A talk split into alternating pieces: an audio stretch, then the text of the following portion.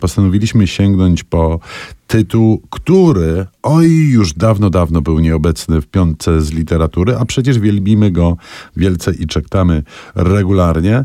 Aczkolwiek to, co się z całą tą franczyzą, bo to się chyba tak nazywa, podziało, nie za bardzo nas cieszy. Mowa o Torgalu, czyli o najpopularniejszej serii komiksowej, za którą odpowiedzialny jest nie kto inny, tylko Grzegorz Rosiński. I tomik, który chcielibyśmy Państwu polecić, który jest zimowy bardzo, nazywa się Władca Gór.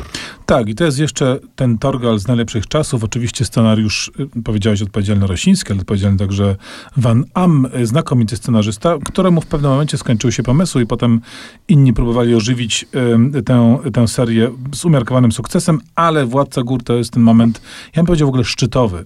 Jeden z absolutnych szczytów tej serii. To jest album niezależny, y, osobna część. Można go tak naprawdę czytać, nawet nie znając serii, bo to właściwie tak. jest fabularnie odcięte od tego wszystkiego, co działo się wcześniej później. Torgal y, musi przemierzyć y, góry. Góry zimą, to jak wiadomo, nie specjalnie łatwa rzecz do pokonania.